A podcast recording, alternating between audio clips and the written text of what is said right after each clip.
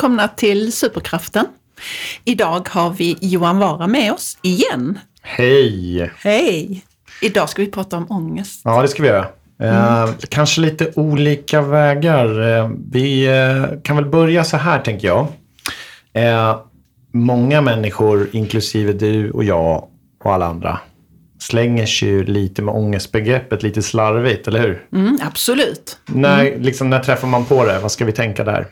När träffar vi ångestbegreppet? Ja, men jag tycker eh, många eh, slänger sig med ångestbegreppet just vid eh, att man tycker det är ångestladdat att gå till jobbet. Ja. Ångestladdat att komma tillbaka till jobbet från semestern. Just det. Vad har vi fler för exempel? Ja, bakfylleångest kanske Ja. någon har. Eh, tentaångest om man pluggar eller provångest om man går i skolan. Eller hur? Absolut. Eh, utbildningsångest om man eh, känner att man inte vet vad man ska göra i framtiden. Mm, ja, där finns ju hur mycket som helst. Absolut. Och det är väl lite bra om vi börjar där, för att det där är ju, vad ska man då säga, lite mer så här populärvetenskaplig syn på, Ja.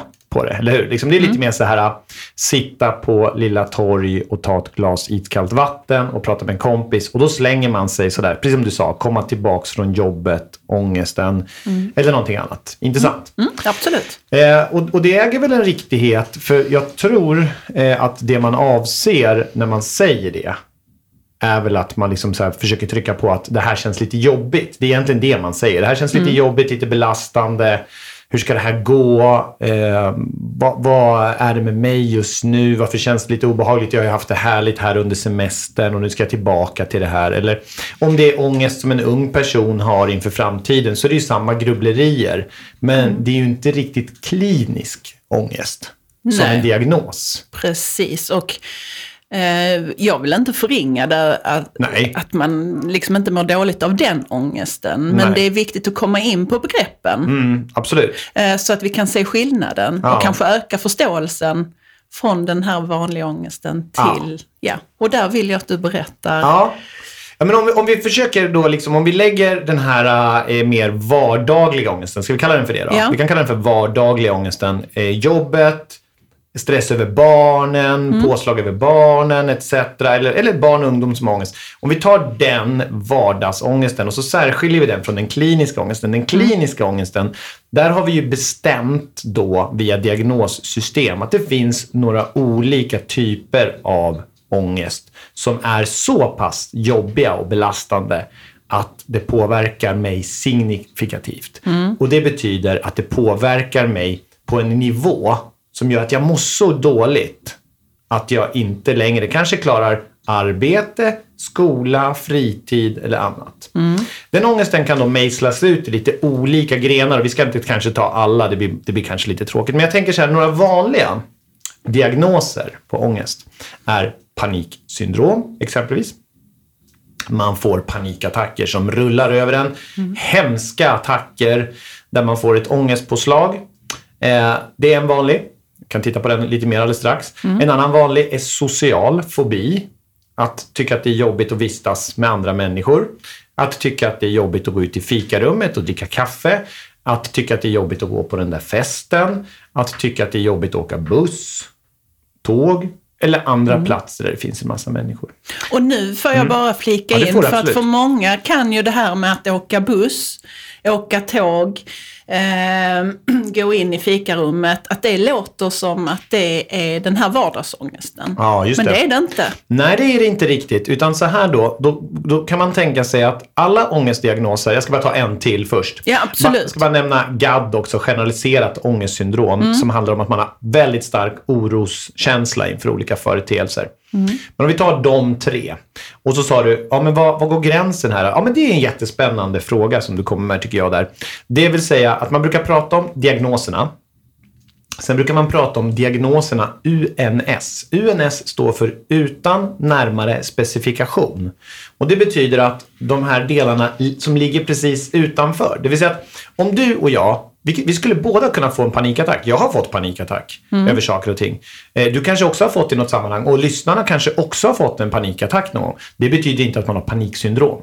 Nej. Att man, har man diagnosen paniksyndrom, då ska man ha haft flera attacker ihållande under lång tid och man ska ha stark oro och det ska påverka en väldigt mycket. Så den här personen i den här vardagsångesten kan absolut i något sammanhang få en panikattack. Det betyder inte att den har paniksyndrom. Nej. Eller om man tar generaliserat ångestsyndrom, GADden, Generalized Anxiety Disorder, så kan personen ha stark oro men ändå inte riktigt uppfylla diagnosen. Det vill säga att man går, eh, man går runt och oroar sig för ja, barnens mående exempelvis. Vi är ju båda vårdnadshavare. Vi kan ju gå runt och oroa oss för barnens mående. Eh, om man gör det lite grann så ingår ju det snarare i att vara förälder. Det betyder inte att du har diagnosen. Men om du inte kan låta bli att kolla din telefon, du måste ringa dem hela tiden, du måste följa dem till skolan, du måste hålla koll på dem här och här och här och här. Och varje gång de skickar någonting via Messenger, Snapchat, Insta, sms så måste du svara, svara, svara, svara. Då kanske du börjar närma dig UNS, det vill säga gränsen från det vardagliga till nära en diagnos. Eller så har du det jätte- jättemycket och då har du en diagnos. Så om man tänker sig det här som en gråskala, vi tänker så, där vi har vitt längst ut, där har du ingen ångest alls, och svart längst ut på andra kanten. Eh, så rör sig människor i den här skalan och väldigt många kan ha lite ångest här, lite bakfylleångest där, lite tatatan, eller hur? Alla människor tycker inte att det är jättekul att stå och prata inför folk. Nej. Talängslan. Många tycker det är jätteobehagligt. Det betyder inte att man är social fobiker för det, utan då har man talängslan. Så att jag, jag, du, din fråga var väldigt relevant och väldigt bra tycker jag. Det vill säga, det är, är hårfin gräns ibland mellan vad som är normala vardagsbeteende och vad som är en diagnos. Och det måste vi ha med oss. Ja, och lite där kanske en måttstock kan vara också att när ångesten blir så pass så att den tar över ens liv Ja. och styr en. Mm. Eh, som du säger här med att man går in och kollar mobilen etc. Ja. Ehm, eller att man inte går ut, till slut iso- isolerar sig. Alltså det finns ju många olika alternativ på detta. Så kan vi säga det liksom att Ja, det man säga. när det tar Ja. över livet. Ja, precis. Bra. Exakt så. Va? Alltså, det vill säga att när det börjar blockera ditt liv, man pratar om undvikande beteenden. Det vill säga beteenden där du börjar göra undvikanden runt dig själv. Eller säkerhetsbeteenden där du börjar kontrollera allting. När de blir för stora i omfattning. Då hamnar du precis i det du sa. Den socialt ängslige som börjar med det här på jobbet, går inte ut i fikarummet. Nästa steg, hänger inte med på julfesten. Nästa steg, går inte till jobbet. Nästa steg, umgås inte med någon. Då har du börjat isolera dig väldigt, väldigt mycket och klippa sociala kontakter. Eh, om man har en social fobi, det har man nog innan man har isolerat sig så mycket, skulle jag säga. Eh, en bedömning skulle absolut kunna göras att man har, att man har eh, egentligen sociala fobin långt innan det. Men man ska titta på hur mycket blockerar min ångest mitt liv? Mia eller Johan eller någon annan. En liten, liten ångestgnutta där, en liten, liten ångestgnutta här. Oproblematiskt. Det är snarare en del av livet. Och det tycker jag också. Vi måste lära oss att förstå att en del av livet är faktiskt att man har lite oro och lite ångest. Och det är en annan viktig del, det är ju faktiskt att lära våra barn det också. Det är inte farligt. För det ska vi också komma ihåg. Ångest är ofarligt. Obehagligt, ja. Läskigt, ja. Fruktansvärt när det kommer, ja. Men ofarligt. Det är inte farligt med ångest. Ångest är ett litet spöke som dyker upp neurologiskt. Amygdala, den här lilla gynnaren i skallen, spökar med oss. Hippocampus och hypotalamus, små andra gynnare som är ännu mindre, spökar med oss. Och de här gemensamt säger åt binjurarna, det är de där små rackarna som sitter precis ovan njurarna, nere i magen, skickar ut kortisol, adrenalin och noradrenalin i kroppen. Och vi får ett påslag. Och det påslaget gör oss skiträdda. För när det kommer tillbaka till neurologin, vi börjar koda av. "Åh, Varför får jag det här påslaget? Och det är svårt, svårt obehagligt. Men det är ofarligt. Ehm, Och eftersom du säger det så är det ju så. Mm. Ja. Men jag tänker ju så här att i längden så Ja. är det ju inte bra Nej. Alltså om du går med detta Nej. år ut och år in, så till slut så kan det bli lite farligt. Nej, men ja, farligt. Eller farligt, jag menar inte att Nej. den, men den här ångesten, om vi nu ser till den här gruppen som har ångest flera gånger om dagen. Ja, Eh, om vi ser inom det bipolära kanske just Ja. i den här, eh, eh, där det går upp och ner hela tiden. Mm. Som en våg. Ja, just det. Jo, men det, och där, om, om, man, om man tar en, en person med bipolär problematik eh, har ju liksom svängningarna från ma det maniska skovet till det depressiva skovet. Och, och, och, och uppe på den mattan i de vågskålarna så målar vi ångest också. Vad jag menar är att ångesten i sig är inte farlig. Nej. Men, ångest, men ångesten är fruktansvärt obehaglig. Så att det är ett problem och ett bekymmer som ska tas på allvar. Som vi ska jobba med. Och i första hand så går man till sig själv. Och så skannar man. Och så funderar man, är det här måttet av oro och ångest på en nivå som jag kan hantera och kanske tänka att det, är- det är en del av livet. Jag kanske oroar mig lite grann. Nej, men jag tänker så här, nu, när jag fick mitt första barn så, här, så hade man läst om att eh, de kunde få plötslig spädbarnsdöd. Man har hört talas om det såklart. Och då gick man ju fram, så här, jag gick fram till spjälsängen och sa kolla, lever hon? Du vet, så här, andas hon? Ja. Det är en del av, det är väldigt många vårdnadshavare som kan känna igen sig i den typen av beteenden. Det är inte en diagnos, utan det är en del av livet. Och det påverkade mig en period då. Men om de här beteendena i alla möjliga och omöjliga kontexter kommer att påverka mig mer än så, ja, då går jag, till mig själv och säger, "Nej, men jag har nog något mer än bara det här. Kanske att jag först kollar med mitt nätverk vad de säger. Kanske att jag läser lite grann. Och sen får man söka sig via öppenvård eller andra platser för att få hjälp. För det ska man få. För på samma gång, nej jag håller helt med dig, man ska inte gå med det. Man ska få hjälp, strukturerad hjälp, evidensbaserade verktyg för att hjälpa människor med den här typen av problem. Absolut. Det är en annan sak. Det, och det, men jag håller med om det. Jag håller med dig. Ja, och, och jag tänkte väl lite så, och det gjorde ju du också, att vi ska komma in på redskapen. Ja. Ehm, men jag tänkte bara för att nu har vi säkert många lyssnare som är föräldrar, men som är vuxna själv med diagnos. Ja. Eh, vad ska man titta på, om vi nu säger till föräldrarna, vad ska man titta på, vad ska man vara extra lyhörd för på barnen till exempel? Ja. För att komma fram till vad det är, för att många gånger så kan det nog ses som trams. Absolut. Eh, om vi, vi, om vi kan kanske, det blir så brett att ta allihopa. Vi, vi tar bara en av dem. Vi tar GAD till exempel. då. Eh, och barn generellt, alla barn, har i, i en, viss period i livet när de är så små, tänk ungefär lågstadiet, så är det ju svårt för dem att förutspå vad som ska ske i livet. För de har inte varit med om allting. Så väldigt mycket är nytt. De ska börja en ny klass, de börjar en ny skola, bam, bam, bam, eller hur? Väldigt mycket nytt. Och de kan ha någonting som kallas för förväntansångest. Men det är högst normalt. Men en del barn har mer oro än bara lite förväntansångest. Ett exempel då. En, ett barn ska börja i första klass, är nyfiken men också lite ängslig och orolig för att börja där. Efter några dagar så har barnet upptäckt att det här var inget farligt, det här var ju kul och jag känner och nu har vi blivit kompisar och sådär. Ja, då var det inget problem. Men det barnet där det ekar kvar som är orolig efter några dagar och det släpper inte. Man säger att det inte habituerar, alltså ingen anpassning. Person, barnet anpassar sig inte. Och det fortsätter efter ettan till tvåan till femman till sjuan till nian.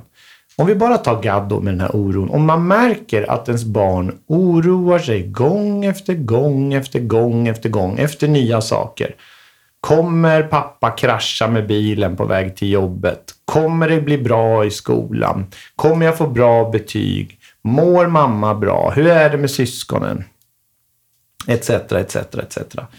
Då ska man vara uppmärksam på, för att inte, ett, ett barn måste också få lära sig att allt i livet kan man inte förutspå. Vi kan inte kratta allting för barnet. Men det barnet som mår så dåligt så att den har det här starka orospåslaget, ja, den kanske behöver gå och få lite hjälp. Eh, så att, som svar på din fråga, titta på ditt barn, prata med ditt barn, fråga, var nyfiken, lyssna och se, verkar den här mängden oro vara rimlig eller orimlig i styrka och omfattning? Verkar det blockera barnet? Skyndar sig barnet hem för att kolla att ni lever? Eh, kollar barnet idag, med, jag tänker med, med, mobiler och sånt där, där man kan liksom hålla koll på föräldrar på ett helt unikt sätt. Man kan liksom kolla, man kan kolla sms och höra av sig, man kan kolla Messenger, man kan kolla alla möjliga platser och se, kan få snabba svar. Man kan framstå som lite hård ibland som psykolog när man pratar med föräldrar om det här. För en väg fram är ju faktiskt att vi som vårdnadshavare lite grann sitter på händerna och inte svarar de här ängsliga, oroliga barnen supersnabbt. För vad som händer är att de blir ännu räddare, ännu ängsligare och ännu oroligare. Så titta, lyssna, prata med barnen. Verkar det vara en rimlig mängd eller verkar det vara för mycket? Får jag bara ta ett exempel ja, då utifrån. Eh, Fannys mm. ångestproblematik när den började. Då ja. var hon ju rätt så, så liten. Mm. Um, och hennes ångest bara för att ta exempel då, ja, ja. Eh, rörde sig om vad man kan tycka är jättelöjligt, att, hon skulle, att en fästing skulle sätta sig på henne. Hon skulle mm. få fästingbett, mm. eh, att hon skulle få cancer, att hon mm. skulle dö på natten. Så vi, detta gjorde att hon kunde inte somna på kvällarna. Eh, och det här var ju någonting som upprepades. Och ja. det var ju där vi med, alltså det här är inte normalt. För först så kan man bara säga, men det är vinter, här är inga fästingar. Nej. Och kan du sova nu? Mm. Um, men när man märker då, precis som du säger, att det blir ett upprepat mm. mönster. Det, det, tar aldrig slut. Nej. Och sen blir det nya grejer som kommer på. Och då känner jag lite så, om vi ska komma in för, det kvittar egentligen vad de har ångest för, för att känslan är så stark hos dem. Mm. Um, och där kan jag också tänka, eftersom du säger att psykologer kan verka hårda. Mm. Ja, men jag tänkte mer Eller... att man kanske i privata sammanhang och sådär också när man pratar om en sån här sak. För om du tar det där exemplet, om jag får använda det exemplet med fästingar och vinter. Ja. Så är det ju så att vårdnadshavare ofta går in och försäkrar barnet. Ja, det var dit jag ville ja, komma ja, nu. Och det är det som är liksom ett problem där att, att Eh, för varje sån här försäkran som vårdnadshavaren ger barnet om att äh, du kommer inte få något fästingbett så kommer det här bli en eskalering. Mm. Eh, och egentligen så behöver vårdnadshavaren liksom förklara för barnet att stanna i den känslan. Är, och inte försäkra barnet i vad som är vad. Mm. Eh, därför att livet ser inte ut på det sättet. Mm. Men det är klart att eh, mina barn, andras barn kan ju komma in med frågor och säga saker som vad, vad kommer hända när jag dör? Och så vidare. Mm. Eh, och då får man ha och diskutera vissa saker, men man kan inte ge en försäkran om allting. För vad som den här försäkran ger, mm. det kallas för försäkringsfällan, det är att det blir en upptrappning hela tiden av detta. Värre och värre och värre och värre. Därför att så fort man har blivit försäkrad i det ena så vill man bara ha något nytt. Mm. Tänk, eh, bara en koppling till något helt annat. Tänk svartsjuka. Mm ett par ihop. En är svartsjuk. Eh, och hen frågar den andra hela tiden så här. Eh, älskar du mig?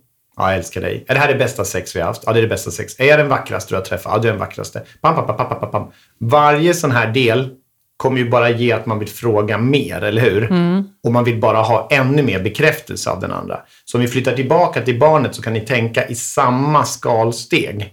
Så först frågar man om fästing, sen frågar man om cancer, sen frågar man om hjärntumör. Pam, pam, pam, pam, pam. Mm. Och här kan man säga att de här ångestdelarna går ihop. Det låter lite som GAD, det låter lite som hälsoångest eller det som tidigare kallades för hypokondri då. Mm. Eller hette hypokondri. Det vill säga att de här delarna, ångest av olika slag är väldigt nära. Många människor har hög samsjuklighet. Man har fler av de här sakerna samtidigt. Mm. Så eh, försäkringsdelen är ett bekymmer för vårdnadshavare.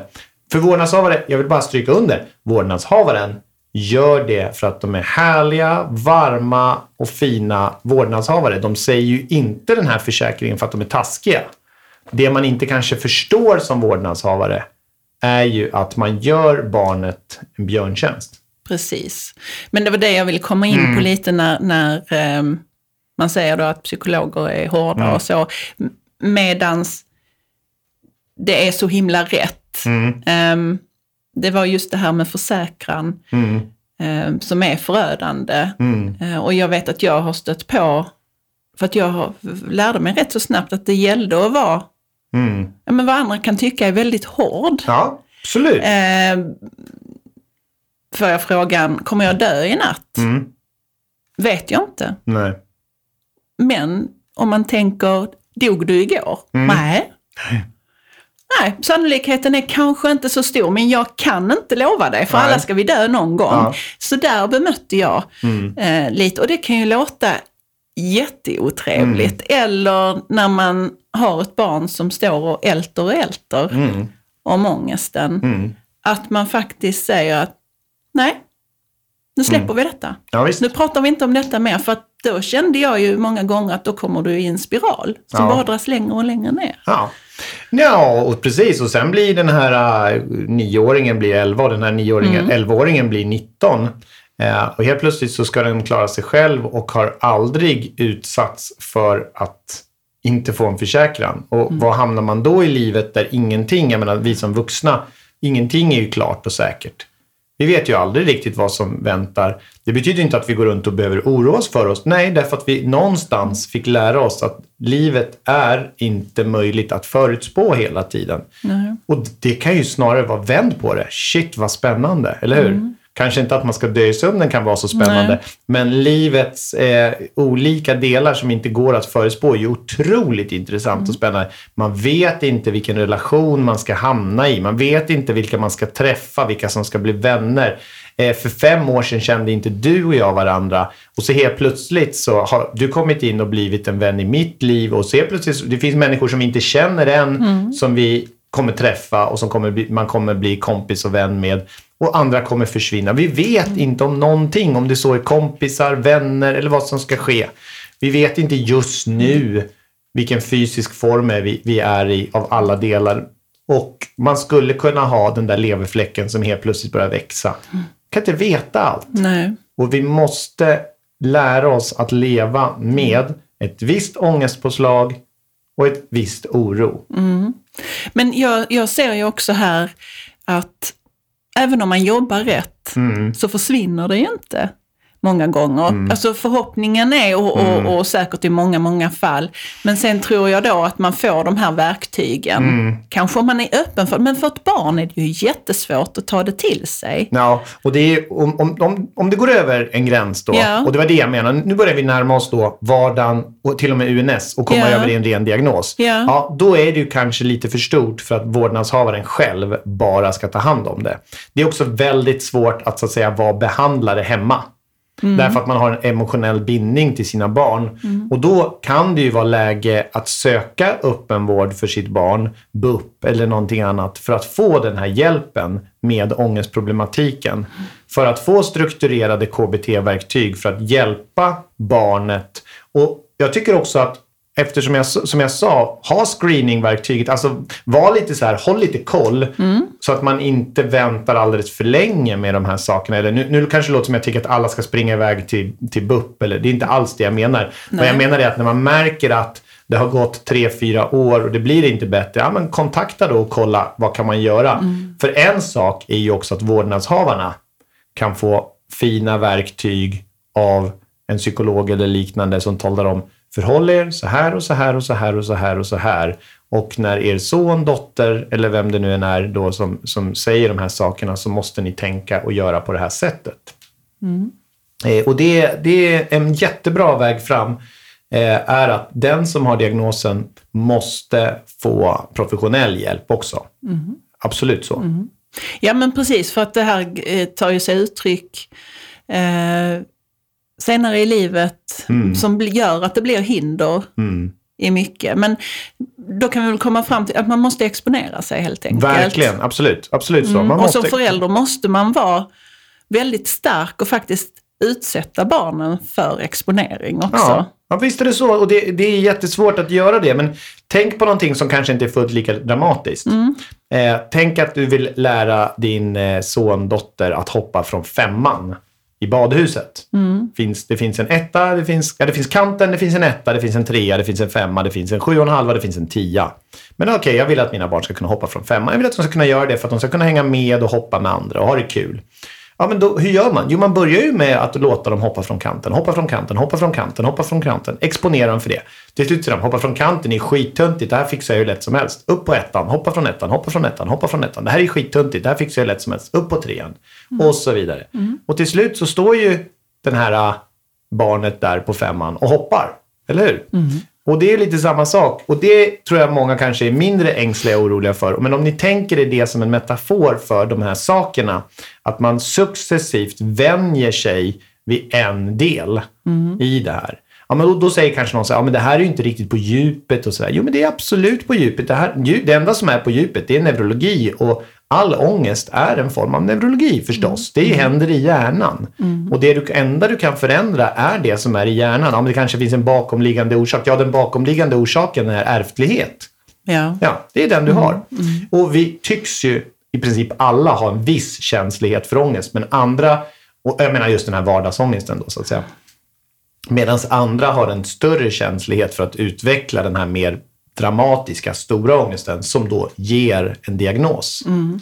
Så att absolut, ut och exponera sig för saker och ting. Saker som är läskiga, obehagliga, jobbiga. Mm. Lite som, för att återknyta till ett tidigare avsnitt vi gjorde när vi pratade om ältande. Kommer att vi pratade om att bryta där också. Mm. Sluta älta, exponera dig. Och det är mm. lite samma sak här. För några av de här diagnoserna är ju bitvis ett ältande. Absolut. Ja. ja. Och, och man fastnar i det mm. mönstret ju. Ja, det gör man. Ja. Jag måste bara ta mm. ett exempel. Jag ska mm. försöka hålla mig väldigt mm. kort i ja. det, men det var faktiskt väldigt fascinerande. Eh, vi sitter på ett café mm. eh, och där sitter en mamma med sin dotter. Och väldigt snart så ser man att det är någonting som inte stämmer. Och här, här mm. känner jag lite så utifrån samhället också. Eh, den här mamman var så otroligt stark, hennes dotter hade fruktansvärd ångest mm, att mm. gå ut och sätta sig på café. Den här tjejen, annars om du tittar på henne så var det som vem som helst. Mm. Men den här mamman jobbade så aktivt med dottern, dottern ville bara gå hem. Ja. Eh, mamman får henne på ett väldigt fint sätt att sitta kvar. Och ja. hennes mål var att dottern skulle sitta kvar med sitt kaffe och hon skulle gå in på toaletten. Det var mammans mål. Det märkte mm. man rätt så, så tydligt, rätt så tidigt. Och dottern, första gången när mamma ställer sig upp och ska gå iväg så flippar dottern ut. Alltså hon börjar nästan skrika. Alltså hon mm. fick sånt påslag. Eh, mamman sätter sig ner igen och gör några försök. Mm. Sen till slut så bara säger mamman, nu ska jag gå på toaletten. Mm. Okej, okay, säger dottern. Och, alltså jag satt och iakttog dem. Ja. Och dottern satt helt lugn. Hon satt och plockade med sina saker. Mm. Och, så, detta var en, en stor tjej. Hon kan mm. väl ha varit sådär 14-15. Um, och sen kommer mamman tillbaka. Och då nämndes det inte att hon hade varit på toaletten. Nej. Utan sen säger de så, nu tar vi bussen hem. Så den här ja. mamman jobbade, jobbade ja. så himla fint. Och här vill jag känna också lite att faktiskt vi runt omkring. Mm. För att mm. jag blev, jag blev väldigt rörd när jag satt och så jag ja, tänkte bara ja. gå fram och säga till henne, gud vad duktig mamma ja, du är. Verkligen. Eh, och att vi just måste ha den här förståelsen. Ja, absolut. Mm. absolut. Och, och, mamman jobbade strukturerat då som det låter. Även, hon kanske inte ens hade verktygen utan hon kanske hade mejslat fram det här själv. Men hon gjorde faktiskt helt korrekt. Mm. Så hon tog dottern i, i, i handen eh, på ett eh, eh varsamt, fint, följsamt sätt. Mm och åkte ner på det här fiket. Mm. Och dessutom lämnade personen själv en stund. Mm. På ett sätt. Så, jag menar, hon jobbade ju precis som man ska. Mm. Även om hon kanske inte... Ja, möjligen så hade hon fått de här råden, möjligen hade hon läst om de här råden, möjligen kände hon till dem på ett eller annat sätt. Eller så var det bara att hon förstod vad som behövde göras. Ja, vet du, jag såg mm. att hon hade gått. Vi har ju ja. gått i så mycket eh, och fått mm. Eh, ledning ja. och så. Och det syntes på henne. Right. För mm. att hon fick bita ihop emellan. För att emellanåt så man blir ju jätteirriterad. Ja. Jag såg på henne att bara hopplöshet, mm. äh, ilska, glädje, ja men du vet alla de här less, alltså alla de här känslorna på en och samma gång. Ja. Så jag såg att hon gick by the book. Verkligen. Mm, och jobbade mm, mm. så fint med henne. Ja, jag bara Då, kände att ja, jag ville... Det är jättespännande, jättespännande exempel och det är ett väldigt tydligt och talande exempel för precis hur man ska lägga upp det. Eh, och det är sådana där råd man får då av psykologer och andra som jobbar med det här bland unga, det är att vårdnadshavarna måste agera på det här sättet. Sen kan det ju vara så här att vårdnadshavaren själv har ångest. Mm. Vilket är vanligt förstås, om det, inte minst om det är biologiska vårdnadshavare, för då delar man ju bitvis då genetiken så att man har samma känslighet. Och det ger ju också att det här, de här försäkringsdelarna kan ju minst lika mycket gälla för vårdnadshavaren. Det vill säga att man själv blir otroligt förstärkt i att finnas där och sådär, eller hur? Va? Mm, För det dämpar vårdnadshavarens ångest. Ja. Och här får du liksom ett cirkelresonemang eh, som inte nödvändigtvis blir sådär jätte, jättebra. Eller en, en cirkel, eh, inte kanske cirkelresonemang, men en händelse eh, som hakar i varandra hela mm. tiden. Mm. Där det ena beteendet hos barnet ger att vårdnadshavaren följer upp med ett annat beteende och de hakar i varandra och då får du en spiral som ger att det blir bara värre och värre och värre. Mm. Och de båda två göder varandras ångest mm. istället för att bryta. Mm. Och när det går så långt, ja då kan det absolut vara på sin plats att båda får strukturerad hjälp, mm. av, professionell hjälp av mm. samhället på ett eller annat sätt då via eh, olika myndigheter som kan bidra med den här typen av hjälp. Mm. Så summa summarum, känner jag. Eh, man ska sluta skämmas. Ja, man ska, man sluta skambelägga just det ja. här med ångest. Kanske att man kan öppna upp lite när man, ju äldre man blir, att mm. faktiskt berätta om det. Mm. Om vi nu kommer upp i åldern till att man är på arbetsplatsen och inte klarar mm. av att gå ut i fikarummet, mm. så kan man väl hoppas att det finns en kollega som betyder lite extra. Man kan säga, du, det här är mitt problem. Ja. Skulle du kunna dra ut mig i köket istället? Eller mm. ut i, i, ehm, ja, i fikarummet? Att faktiskt få lite, så, så man kan få lite stöttning. Absolut. Vad låter det? Men jag Rimligt? Tycker, men absolut. Alltså, alltså, hjälp varandra, eller hur? Mm, mm. Hjälp dig själv, hjälp varandra, läs på. Gå en kurs, gå en utbildning. Eh, sök dig till en eller flera eh, utbildande instanser som kan, där du kan lära dig om de här sakerna. Eller få hjälp. Och som du säger, jag håller helt med dig. Stigmatiseringen kring ångest måste bort. Mm. Precis som du säger, va? bryt skammen. Börja prata mm. om de här sakerna. Det gör vi ju bättre nu än för 20 år sedan, men vi kan fortfarande bli ännu bättre. Det tycker jag, mm. för jag tror, jag tror ändå som, om man inte sitter med ångesten själv, Nej. då kanske man kan säga att det är okej. Okay. Men de som sitter med ångesten många gånger eh, faktiskt skäms. Ja, såklart.